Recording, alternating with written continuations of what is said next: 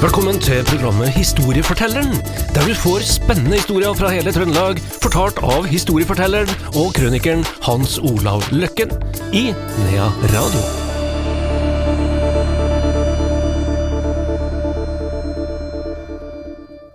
Velkommen tilbake til oss her i uh, Historiefortellerstudio. Velkommen spesielt til deg, Hans Olav Løkken. Jo, takk. Vi takk. eh, skal ha en ny historie, vil si i dag skal vi ha to nye historier. Vi skal til uh, Byneset, men vi starter i Meråker. Ja, vi gjør det.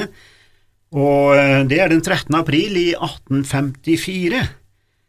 Da eh, drar det hele 36 personer fra Meråker.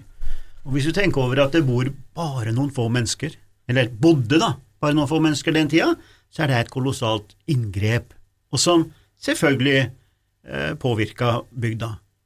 Eh, vi vet jo at eh, fra Selbu så utvandra det altså over 200 på en gang.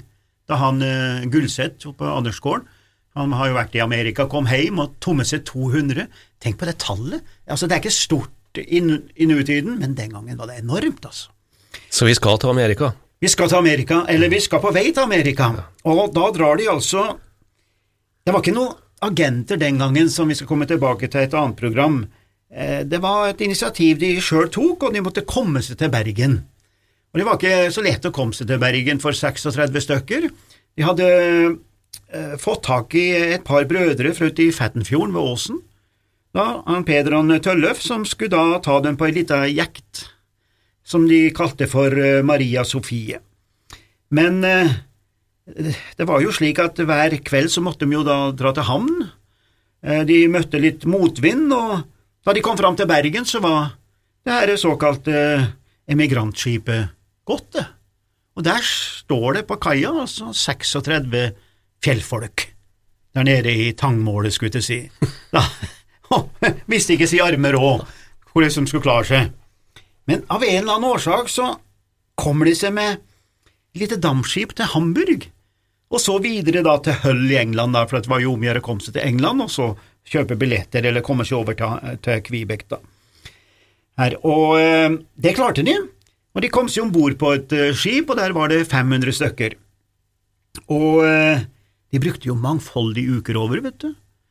Og her møter vi da en ting som kanskje ikke mange har tenkt så veldig eh, mye på, men eh, det var jo ofte slik at de mista folk på veien over i løpet av den her lange reisa. Faktisk tok det fem måneder for de her Meråkerbyggen fra de forlot Meråker til de kom seg altså dit de skulle i Amerika. Og det er jo klart at av og til så skjedde selvfølgelig noe dødsfall. Og de mister da en bitte liten gutt, sønnen til Lars Øyen, da. Og der opplever Meråkerbyggen en liten sak som antagelig prega dem litt, fordi de tok altså legemet og senka det i havet. Det var jo uvant for fjellfolk, ikke sant? Det var uvant faktisk talt bare å være om bord på en båt. Av de 36 så kanskje ingen har vært på et storbåt, knapt på en robåt, og så opplever de da den herre tragiske hendelsen med at de mister en, en, en, en unge som da blir senka i havet. Tenker nok at de sto med mye ettertanke der. Ja da, og det gikk ikke så mye bedre etter hvert, skjønner du, fordi at eh, de ble jo satt i, eh, i karantene òg, for det var kolerautbrudd. Og der eh, forsvinner en som heter Ivar Mehaugen på 22 år, og Serine Kringsplass da på 17. De måtte forlate og ble lagt inn på et såkalt hospital, og det var det siste de så av de. Og foreldrene ble også dårlige, og blir også borte.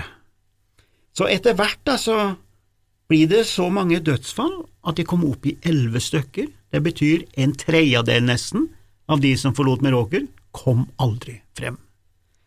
Og det i seg sjøl er jo ganske så tragisk.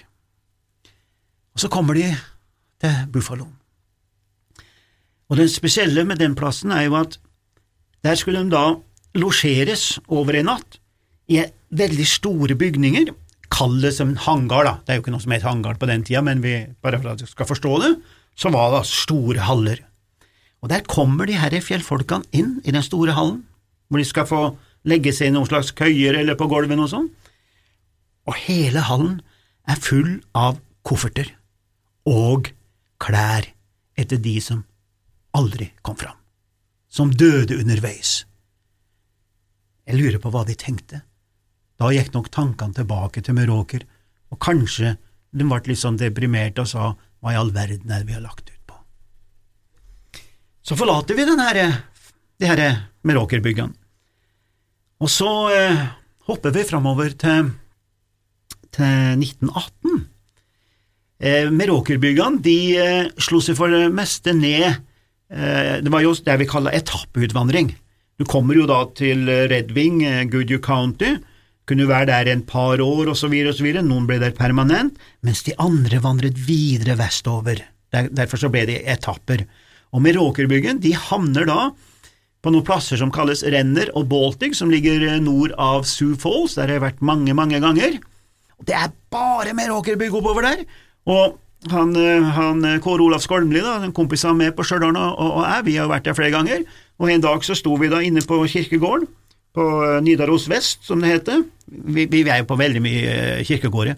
På den forrige turen min så var jeg på 53, så jeg er vel ikke helt god i hodet, men det er jo, det er jo der jeg begynner ofte da, for oss å, å, å drive og research på de her historiene. da. Og Der drev vi jo med å lette etter noen. Så kommer de kjørende en bil, amerikanerne de kjører inn på kirkegården, de, vet, de går ikke en meter, de helt, kjører helt bort til gravstøtta. Og der detter han ut eh, litt yngre enn med, med far sin, som var noen 90 år. Og han hører at vi er fra Norge, ja, så begynner han å prate. Ekte med råkerbygg.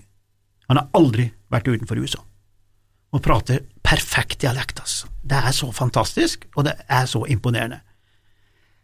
Og, men så var det jo selvfølgelig også noen Meråkerbugg som slo seg ned nord av Minneapolis, da. Og nord av Minneapolis, da kjører du altså til en plass som heter Duluth, ganske kjent plass i Amerika. Og når du kjører langs interstaten oppover der Interstate er jo samme da som autobahn i Tyskland og jeg skulle til si E6 i Norge, ja. men det må du ikke sammenligne det med. da, så uh, han, eh, ved siden av den interstaten oppi der, så møter vi altså en plass som heter Moose Lake. Eh, ved siden av Moose Lake der, så er det en liten plass som heter Kettle River. Og der eh, har jeg lest meg opp en gang om at en av de største såkalte eh, kjedekollisjoner skjedde der. Eh, for noen år siden, at de um, tørna inn i hverandre, og, og 25 mennesker omkom. Men jeg finner ikke det på nettet. Jeg googler og googler og googler, men jeg finner ikke, så om det der må være noen som har planta det, tror jeg da, men det får det være så sin sak. Men det skjer en tragedie der oppe.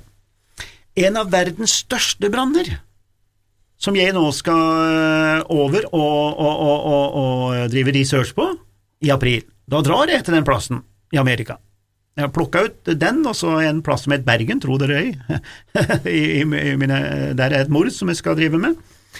Men eh, der oppe i Moose Lake, der er det antagelig en tog, et tog som eh, utløser gnister, og så starter en enorm brann. Brannen tok 453 menneskeliv. 453 menneskeliv i 1918. 52 000 måtte altså på en måte flykte i denne enorme brannen. Og samtidig, eller noen uker etterpå, må ta noen uker etterpå, den brannen som skjedde da den 12. oktober i 1918.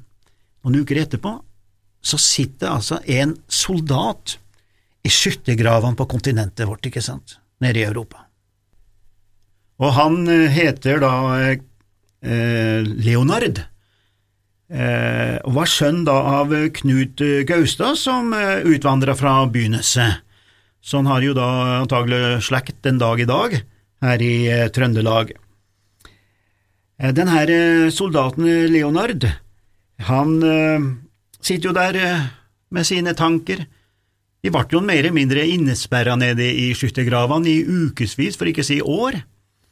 Og eh, han eh, sitter og leser avis, på en måte. Det var slik at hæren eh, på den tida måtte jo da gjøre noe for soldatene sine, og de utga ei avis sånn av og til, eh, antagelig var det bare noen løsark, og der sitter han og leser om den forferdelige brannen da i Lake. Og plutselig så ser han navnene på de personene som hadde omkommet, og det var hans hele sin familie, begge foreldrene og fem søsken. Det eneste navnet som ikke sto der, det var ei søster, men hun hadde gifta seg for noen år siden og flyttet fra plassen.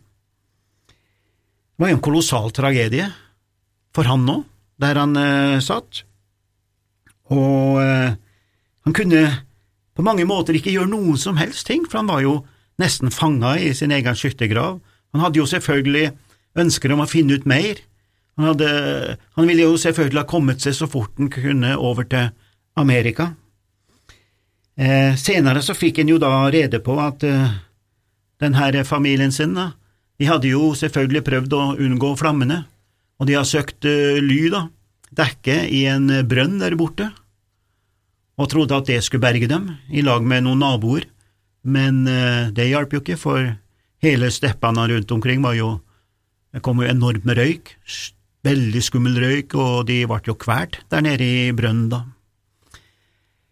Det som eh, også er litt sånn interessant, er jo at han var jo ikke så langt fra å komme seg hjem, han var ikke så langt fra freden, for eh, freden kom jo bare noen få dager etterpå.